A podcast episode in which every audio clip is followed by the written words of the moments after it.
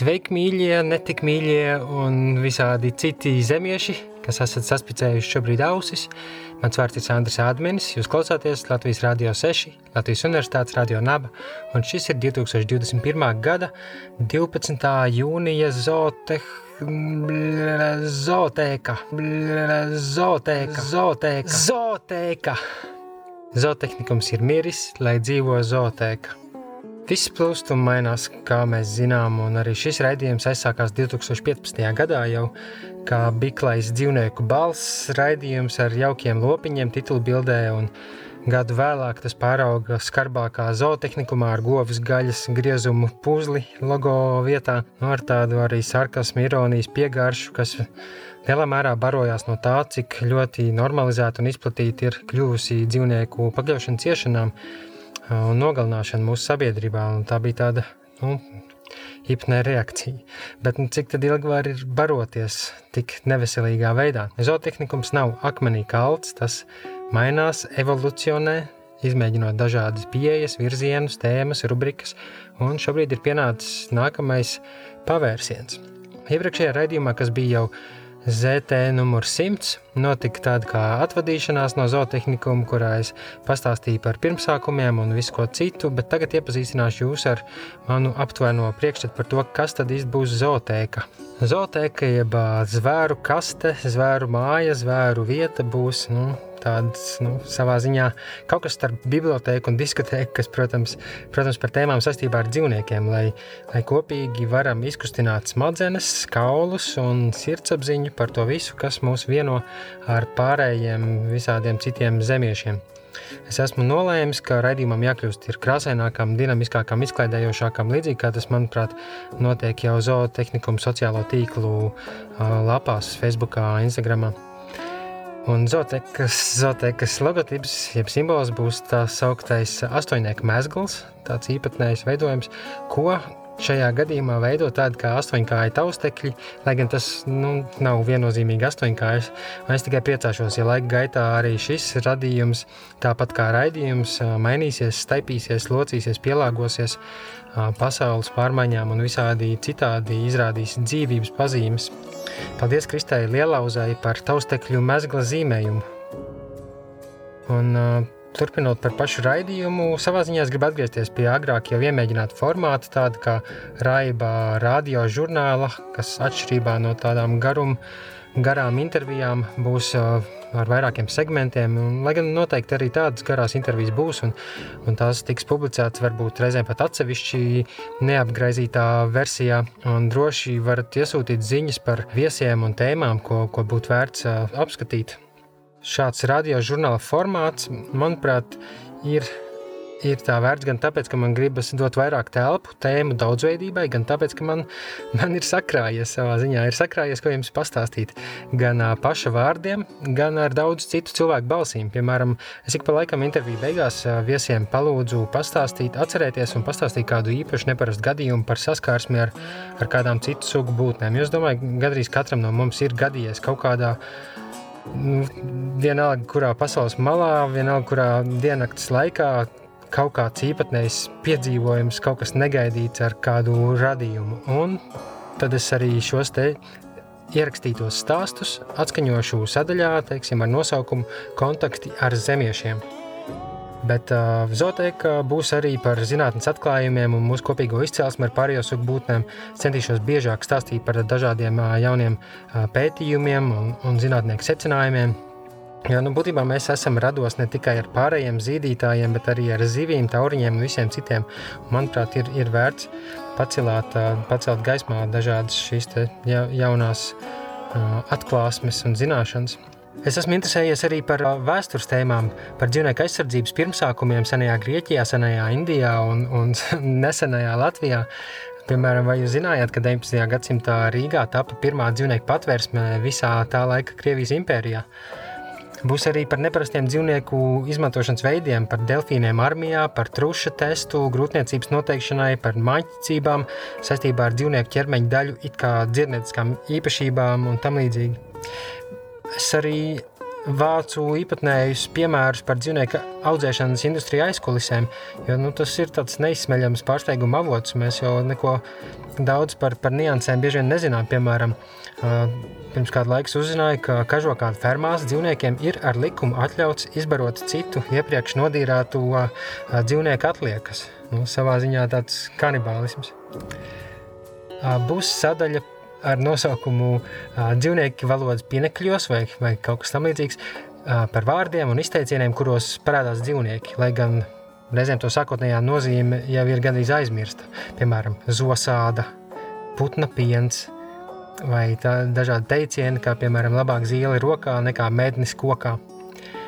Un, kā līdz šim, protams, dzirdēsiet arī intervijas un jaunākās zoziņas, arī mūziku un literatūras fragmentus saistībā ar dažādām zvērīgām izdarībām un notikumiem.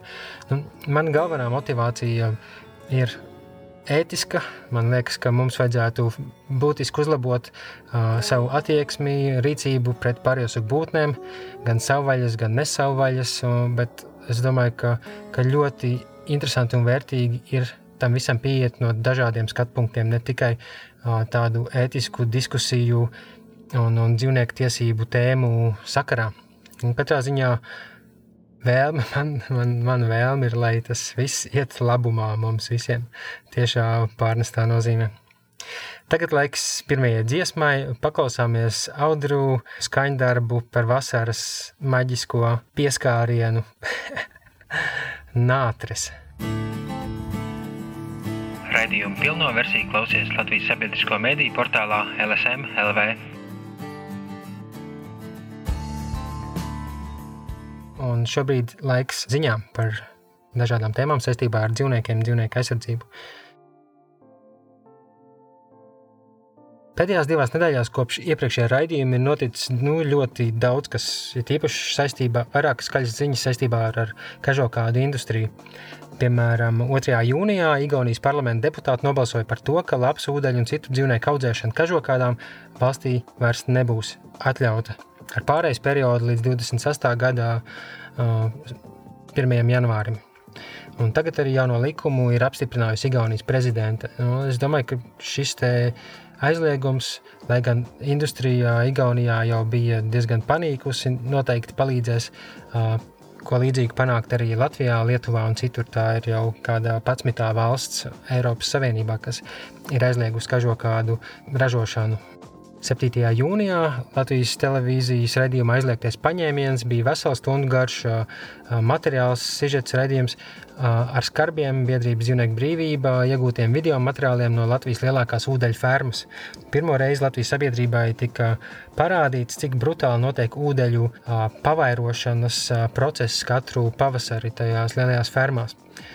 Detaļās šeit es neieslīgšu, bet, ja jums interesē kā, redzēt, kā tas notiek, ko par to saka zemkopības ministrijas un PVD pārstāvji un dzīvnieku brīvības pārstāvji un modes cilvēki un tā tālāk. Viegli atradīsiet gan raidījumu ierakstu, gan, gan arī zootehnikuma sociālos tīklos īsu rakstisku kopsavilkumu par raidījumā redzamo tiem, kuri negrib skatīties uz tām šausmām, bet labprāt tomēr uzzinātu mazliet vairāk. 10. maijā arī kažokāda sakarā Izraēla kļuva par pirmo valsti pasaulē, kur kažokādu kā modes preču tirzniecība ir aizliegta. Un šis ir unikāls valsts mēroga dzīvnieku aizsardzības sasniegums, kas panākts pēc vairāk nekā desmit gadus ilga, vairāk organizāciju darba, un galu galā grozījums atbalstīja 86% Izraēlas iedzīvotāju, un tie stāsies spēkā jau pēc sešiem mēnešiem. Vienīgie izņēmumi būšot zinātniskai izpētē, izglītībai un reliģiskiem mērķiem. It īpaši ortodoksālo ebreju vīrieši, vīriešu sabata un svētku laikā valkātajām īpatnējām kažokādas cepurēm, jeb štreimeļiem, laikam tā to sauc, ko, ko veido no sabuļu ādas, importētu sabuļu, kas ir līdzīgi ūdelēm, dzīvnieciņi, un, ja nemaldos, ieved no Krievijas un no citurienes, un, un tas tiešām tādā ziņā esot, nu, ļoti liels caurums likumā, šis izņēmums. Un par to cilvēku arī šo ziņu kritizē, nu, ka patiesībā jau tur neviens nevēl kā Izrēlā kažokāds, bet, nu, cik es lasīju no, no cilvēkiem, kas tur dzīvo, viņi saka, ka tomēr tu, sabiedrības krējums tā sauktais tomēr ļoti labprāt kā tādu prestiža apliecinājumu pērk un, un izrādās uh, kažokādu uh, aksesuāros. Tas nav tikai ortodoksālo uh, ebreju cepurēm, bet nu, es pieļauju arī, ka, ka šis caurums likumā ar laiku tiks aizlāpīts. Jo nu, nevelti aizliegumam šim grozījumam uh, tirgot kažokādas bija ļoti izteikta pretestība gan no, gan no ortodoksālo uh, puses, gan no modes industrijas. Vēl kāds interesants temats Žurnālā un portālā ir bija publicēts raksts Nežēlīgais kucēnu tirgus par to, kā dzīvnieku tirgoņu melnais tirgus Latvijā un, un visā Eiropas Savienībā un gan jau arī citur pasaulē plaukst un zeļ, ir tīpaši saistībā ar pagājušo gadu, kad daudz cilvēku nolēma, ā, jāpaņem sunīti, lai mazāk garlaicīgi. Un apmēru ziņā šis melnais tirgus ar kucēniem esot trešais aiz ieroču un narkotiku kontrabandas, viltotas pases, importa kucēni, importētie, kas nav vakcinēti un attārpoti un ko tirgo vēl agrā zīdīšanas vecumā, kas ir, nav, nav pieļaujams, un par kuru izcelsmi un vecāku turēšanas apstākļiem nekas arī nav zināms. Ir, ir entie cilvēki, kas grib šķirnes suni sev, sev dabūt pa lēto, ir cilvēki, kas labprāt iedzīvojas dzīvnieku labklājības un PVD kontrolas trūkumu rēķina. Un katrā ziņā nekontrolēta maģinieku tirniecība arī internetā rada labvēlīgu augsni ienesīgam un, un praktiski neizsekojamam pārrobežu biznesam, kur galvenā prece ir šķirnes dzīvnieki. Kāpēc dienesti, veterinārie dienesti to nespēja apturēt, par to lasiet, ir rakstā nežēlīgais kucēnu tirgus. Uh, trešā tēma ļoti pozitīva ziņā par to, ka Eiropas parlamenta deputāti uzskata, ka dzīvnieku audzēšanas prostos Eiropas Savienībā vajadzētu līdz 2027. gadam pakāpeniski aizliegt. Un atcaucoties uz Eiropas uh, pilsoņu iniciatīvu, ko varbūt iepriekš jau pamanījāt, kas saucās End the Cage Age, jeb uh, izbeigt sprostu laikmetu, Eiropas parlamenta deputāti aicina uh, komisiju ierosināt tādus tiesību aktus, lai Eiropas Savienības lopkopības nozarē līdz 27. gadam pakāpeniski izbeigtu sprostu izmantošanu, pirms tam gan veicot zinātniski pamatotu ietekmes novērtējumu. Un šo rezolūciju ceturtdien pieņēma ar neticam lielu pārsvaru 558 balsis par, 37 pret un 85 atturējās. Un, nu, kā ierasts, protams, viss nav tik vienkārši. Šis ir apsveicams solis visvairāk mocīto dzīvnieku aizsardzībai un iemesls optimismam, lai gan nu, līdz patiesi cieņpilnai attieksmei vēl būs vajadzīgi diezgan daudzi drosmīgi soļi. Eiropas komisija savu atzinumu par šo Eiropas parlamenta rezolūciju sniegs mēneša beigās. Tā kā Tātad turam īkšķus līdz mēneša beigām, lai tas izdotos.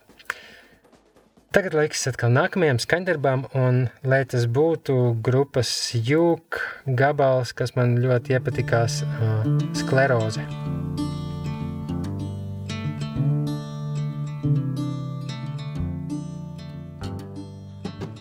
Un šobrīd piedāvāju jums tādu jaunu rubriku, ko es saucu dzīvnieki valodas pinekļos vai dzīvnieki valodās spinekļos.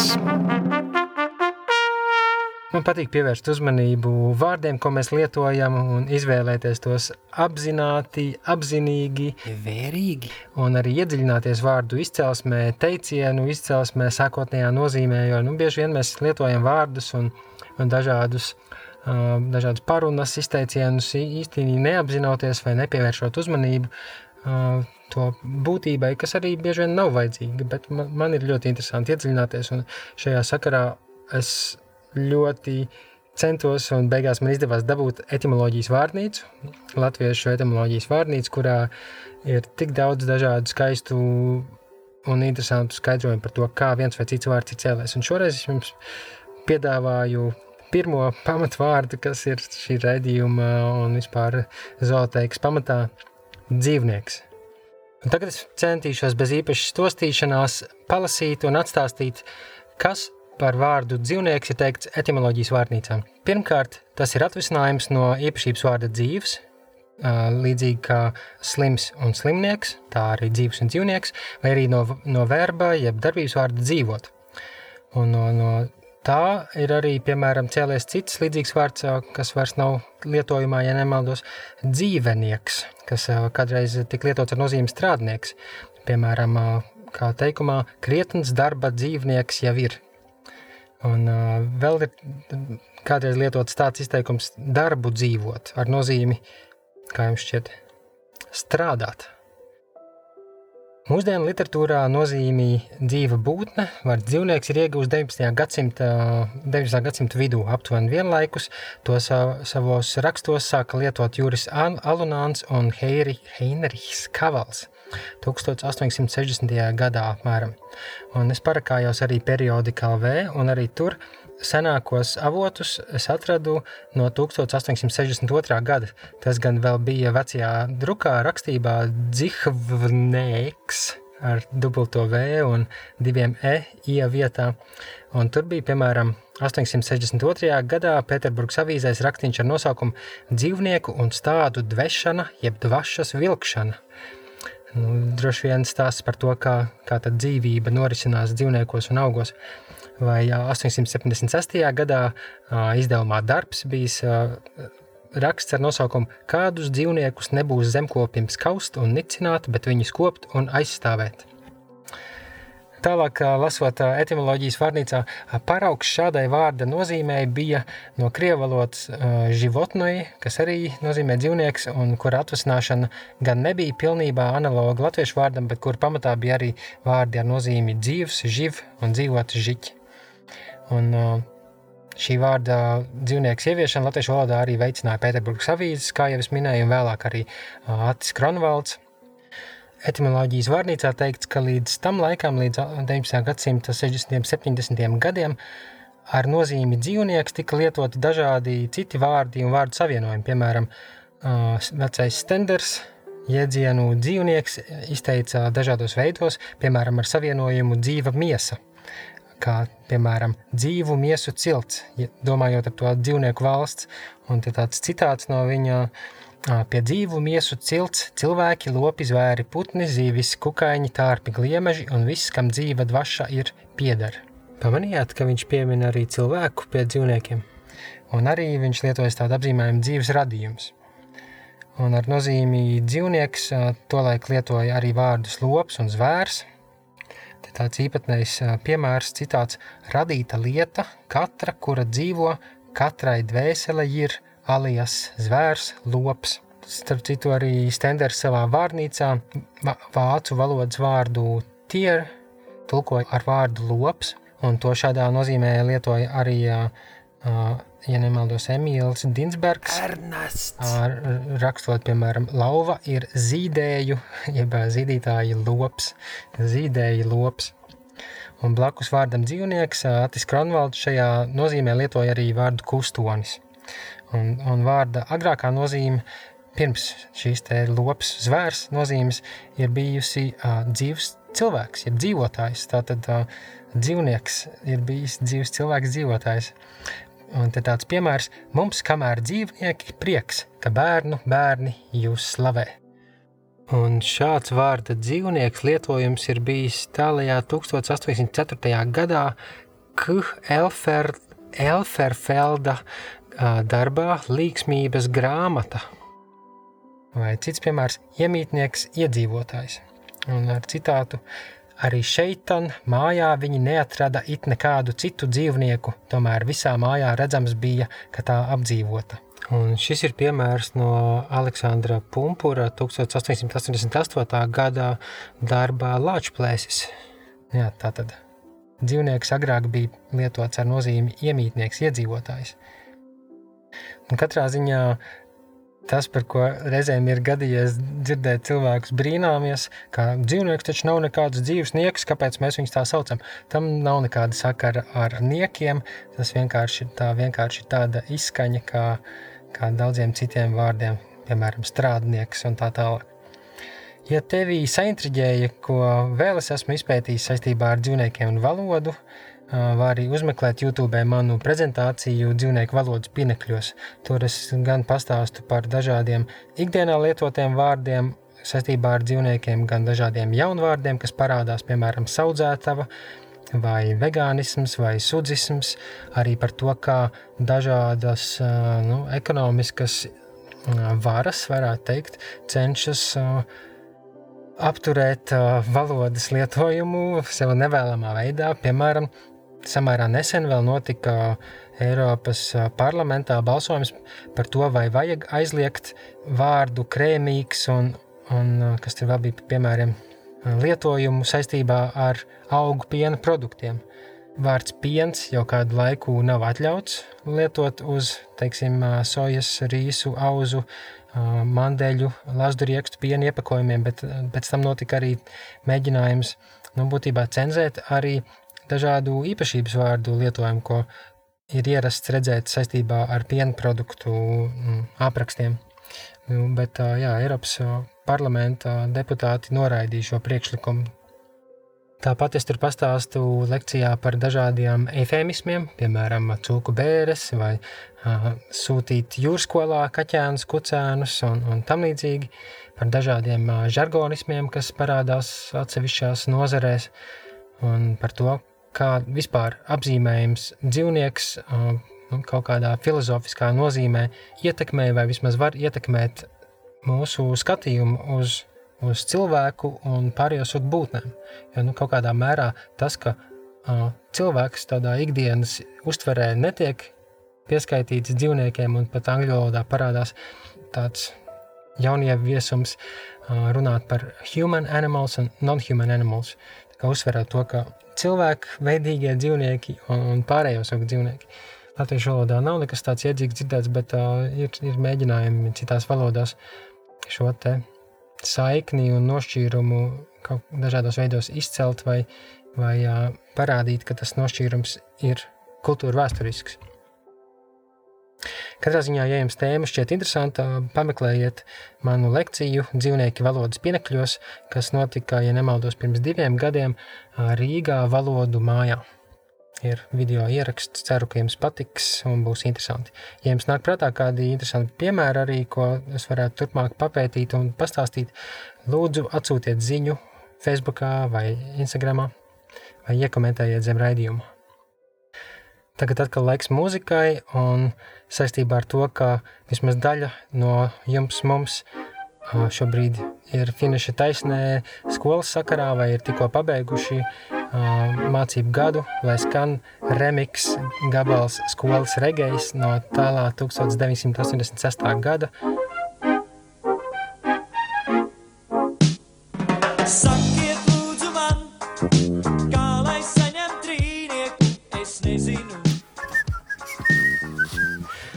Tikko dzirdējām grupas remix 1986. gada dziesmu skolas regejs, kur arī izskanēja tāda izmisuša skolēna vārdi, kā lai saņem trīnieku. Un ja jūs par to brīnāties, nu, tad varbūt nezinājāt vai aizmirsāt, ka to laika atzīmes sistēma bija līdz pieci un trīnieks, cik var saprast, bija zemākā sekmīga atzīme, lai priekšmets būtu veiksmīgi nokārtots un nolikts pie vietas. Nu, tā kā ir vērts zināt šo par vēsturi, lai labāk šo saprastu arī tagad. Un par, par vēsturi un pagātni runājot, vēl viena zooteikas sadaļa, pie kuras grasos regulāri atgriezties, ir zoo vēsture, jeb pagātnes liecības par cilvēku miedarbību ar vis, vis visādiem zvēriem, radījumiem, un lielā mērā tie būs stāsti un piemēri par, par dzīvnieku aizsardzības pirmsākumiem. Arī par šo tēmu ir bijuši jau pāris zootehnikuma raidījumi, daži pasākumi ar prezentācijām un arī Latvijas radio viens raidījumā. Pirms kāda laika es tiku uzaicināts, lai pastāstītu redzījumā zināmais nezināmajā par šo tēmu un precīzāk par veģetārisma daudzveidīgo vēsturi. Pēc šādiem vārdiem arī varat iegooglēt šo raidījumu un noklausīties par Pitagoru un senajiem grieķiem un seno Indiju un kā tur dzīvnieki tika aizstāvēti. Un savā ziņā es par to arī gribu jums daļai pastāstīt šoreiz jau tādā pirmajā degustācijā par tēmu. Uh, jo tas, cik zināms, arī ir pats pirmsākums aicinājumiem, aicinājumiem saudzēt dzīvniekus.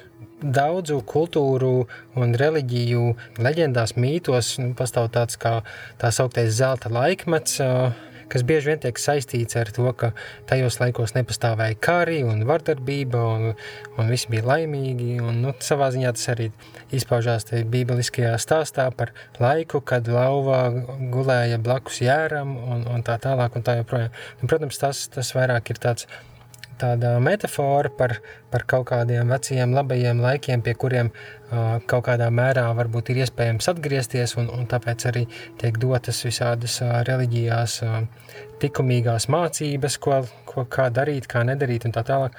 Bet uh, tādi reālie, rakstiskie pirmie avoti, senākie, nāk no nu, apmēram pirms 2500 gadiem sena laika, kas arī pārklājās ar tā saukto asas laikmetu, par ko rakstīja filozofs Kārlis Jaspers, iezīmē tādu vēstures periodu, kad parādījās ļoti daudz dažādi, dažādas idejas un sabiedriskās pārmaiņas, visvisādi domātāji, kas atstāja arī rakstu darbus, vai, vai par viņiem kāds kaut ko pierakstīja.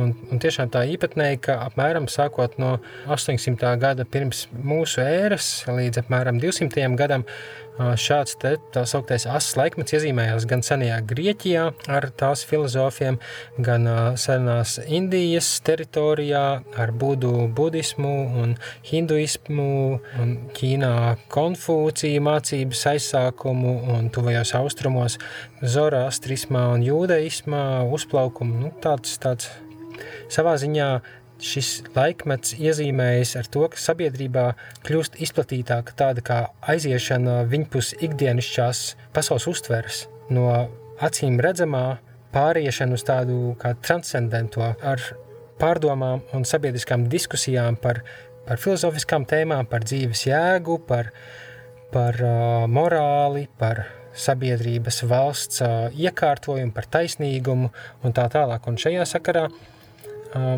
Ļoti interesanti notikumi ir senās Indijas teritorijā, kur Magadas karalistē ap 6. gadsimtu pirms mūsu ēras parādās neparasta, neparasta liela ideja daudzveidība un, un ideja apmaiņa.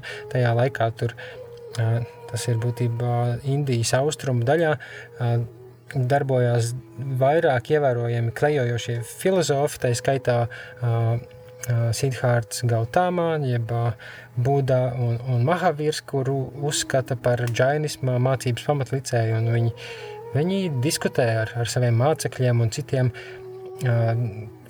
klejojošajiem domātājiem par, par pasaules būtību, par cilvēka brīvo gribu vai kaut kas tāds pastāv, vai viss ir iepriekš noteikts par to, kas ir kas notiek pēc nāves ar cilvēkiem, bet arī par to, vai ir morāli pareizi, ka mēs ēdam dzīvniekus un, un, un par to, kāpēc uh, varbūt viņiem nedarīt uh, pāri. Uh, tajā laikā parādās visādas mācības, par kurām ir ļoti maz informācijas saglabājies, bet arī nu, mūsdienās joprojām pazīstamās budismā, džainismā idejas ir saistāmas ar to laiku. Un viena no spilgtākajām tā tādām centrālajām lietām šai sakarā gan budismā, džainismā un hinduismā attiecībā uz dzīvniekiem, dzīvnieku audzēšanu un, un nēšanu ir tā sauktā reinkarnācijas ideja par dvēseļu uh, pārceļošanu, par pārdzimšanu, piemēram, Rigvēdā, kas ir viens no senākajiem reliģiskiem tekstiem no Indijas teritorijas. Sākotnēji bija teikts, ka pārdzimšana, jeb reinkarnācija notiek nu, bezmaz automātiski. Tas ir jau iepriekš noteikts, un turklāt tas attiecas tikai uz cilvēku sugas vīriešiem. Bet pēc tam jau mazliet vēlāk, džainisti un budisti tomēr pauž ideju un, un piekrīt vairāk tādam skatījumam, ka pārdzimšana uh, ir atkarīga no morāles rīcības, kas tiek skaidrota ar karmiskajām cēloņu sakrībām. Man personiski nav nekādas izteikti stingras pārliecības par pārdzimšanām un dvēselēm. Nu, šobrīd man, man vairāk interesē tas, kā par to tobrīd domāja un, un kā tas ietekmēja reālo rīcību sabiedrībā saistībā tieši ar, ar šīm pārliecībām. Un šai sakarā, par kar, domājot par karmiskajām cēloņu sakarībām, arī parādās ideja par, nu, tas tā sauktais tāds sauklis dzīvo un ļauj dzīvot citiem, kas joprojām pazīstams. Un ir runa par nevardarbību, par nekaitēšanas principu, ko sanskritā sauc ahimsa, kas arī ir viens, joprojām viens no centrālajiem konceptiem budismā, džainismā, hinduismā un attiecībā uz dzīvniekiem. Pašlaik vissenākie zināmie avoti ir saistāmi ar, ar džainismu. Jau apmēram 8. gadsimtā pirms mūsu ēras džainismu pamatlicējs, tātad ne Mahavīrs, ko es minēju, kas ir pazīstamāks, bet jau senāks Varbūt pat ne vēsturisks, bet, bet mītisks personāžs vārdā Pāršva, esot mācījis saviem sekotājiem par nevardarbību. Un mazliet vēlāk, apmēram 500 gadus pirms mūsu ēras džainu tekstā Yoga Shastra parādās šādas frāzes, ko varētu aptuveni tulkot latviskot tā. Visas būtnes, kas elpo, dzīvo un spēj just, tās nevajadzētu ne nokaut, ne pakļaut vardarbībai, ne mocīt vai spīdzināt, ne arī gaiņāt. Un vēl otrs citāts no 2500 gadus senā džēnu tekstā Joga Šastra, kas īsumā būtu latviskojams tā. Ikviena dzīva būtne mīl savu dzīvību, tiecas pēc patīkamā un izvairās no sāpēm. Ikvienam sava dzīvība ir dārga.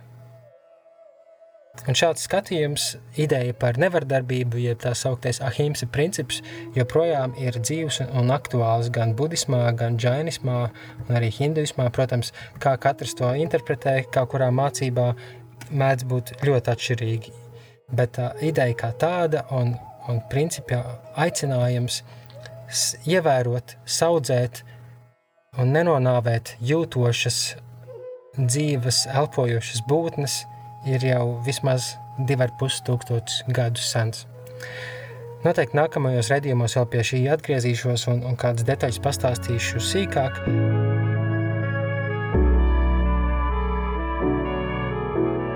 Un es gribēju jums pastāstīt vēl dažas lietas.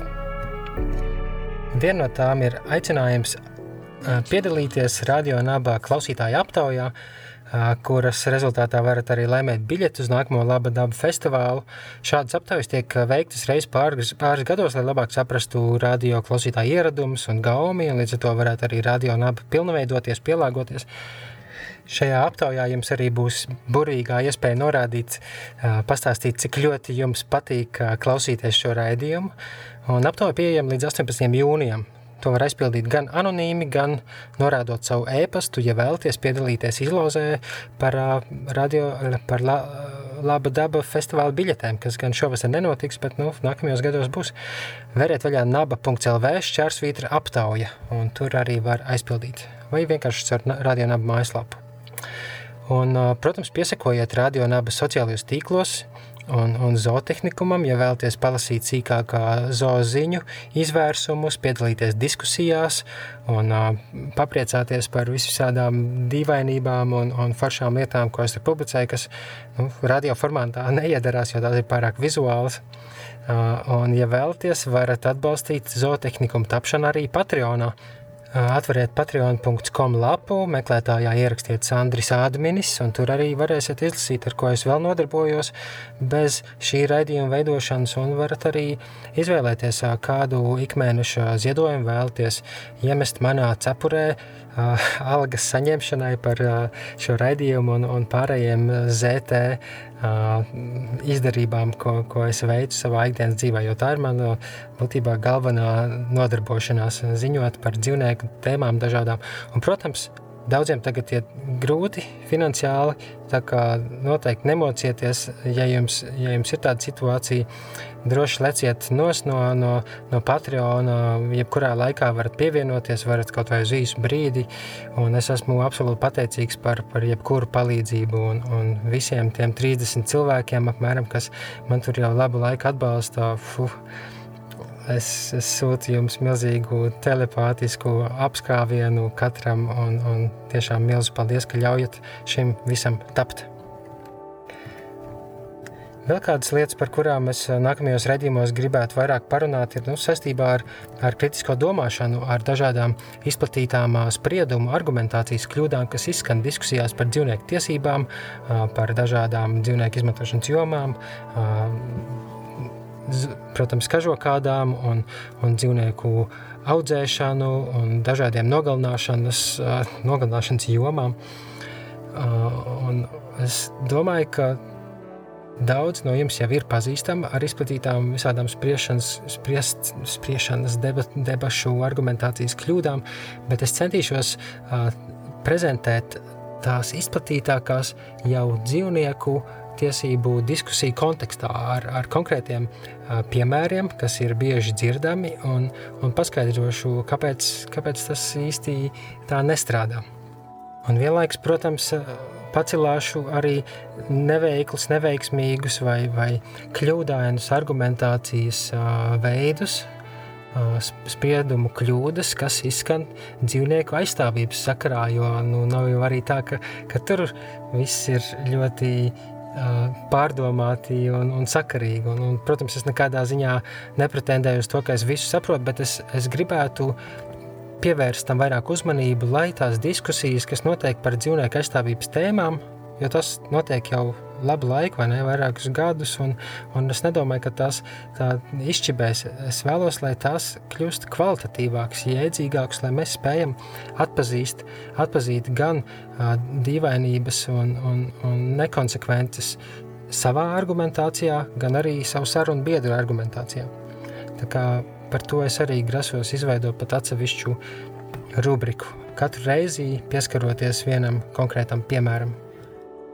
Un es aizvien vairāk veidojot šos raidījumus un, un dažādu saturu internetā un diskutējot, es saprotu, ka ir ļoti svarīgi runāt par komunikāciju kā tādu, par to, ka mēs pārāk bieži praktizējam tā saukto kareivja uh, pieejamību, ka mēs cenšamies par katru cenu aizstāvēt savu pozīciju, lai gan iedzīgāks būtu tā sauktais izlūka pieejams, ka, ka mēs cenšamies nevis klupt virsū otram, bet saprast pēc iespējas labāk, kāda ir situācija, kom, kom, kādi ir pamatotākie, labākie argumenti, viedokļi, un tad skatīties, kur mēs varam atrast kopīgu valodu ar citiem.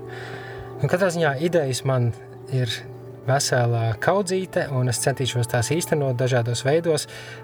Protams, arī iesaistot citus cilvēkus un piedāvājot jums raidījumā intervijas.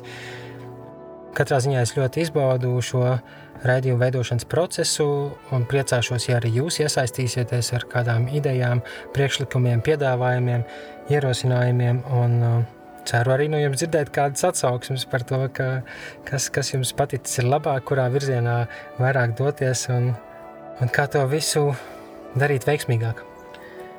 Bet šoreiz raidījumā tas ir viss. Nākamais izskanēs jau pēc divām nedēļām. Nākamajā sestdienā klausieties kaimiņu raidījumu Nezāle par cilvēku vidē un vidi cilvēkā. Un pēc tam tiekamies internetos, visticamāk.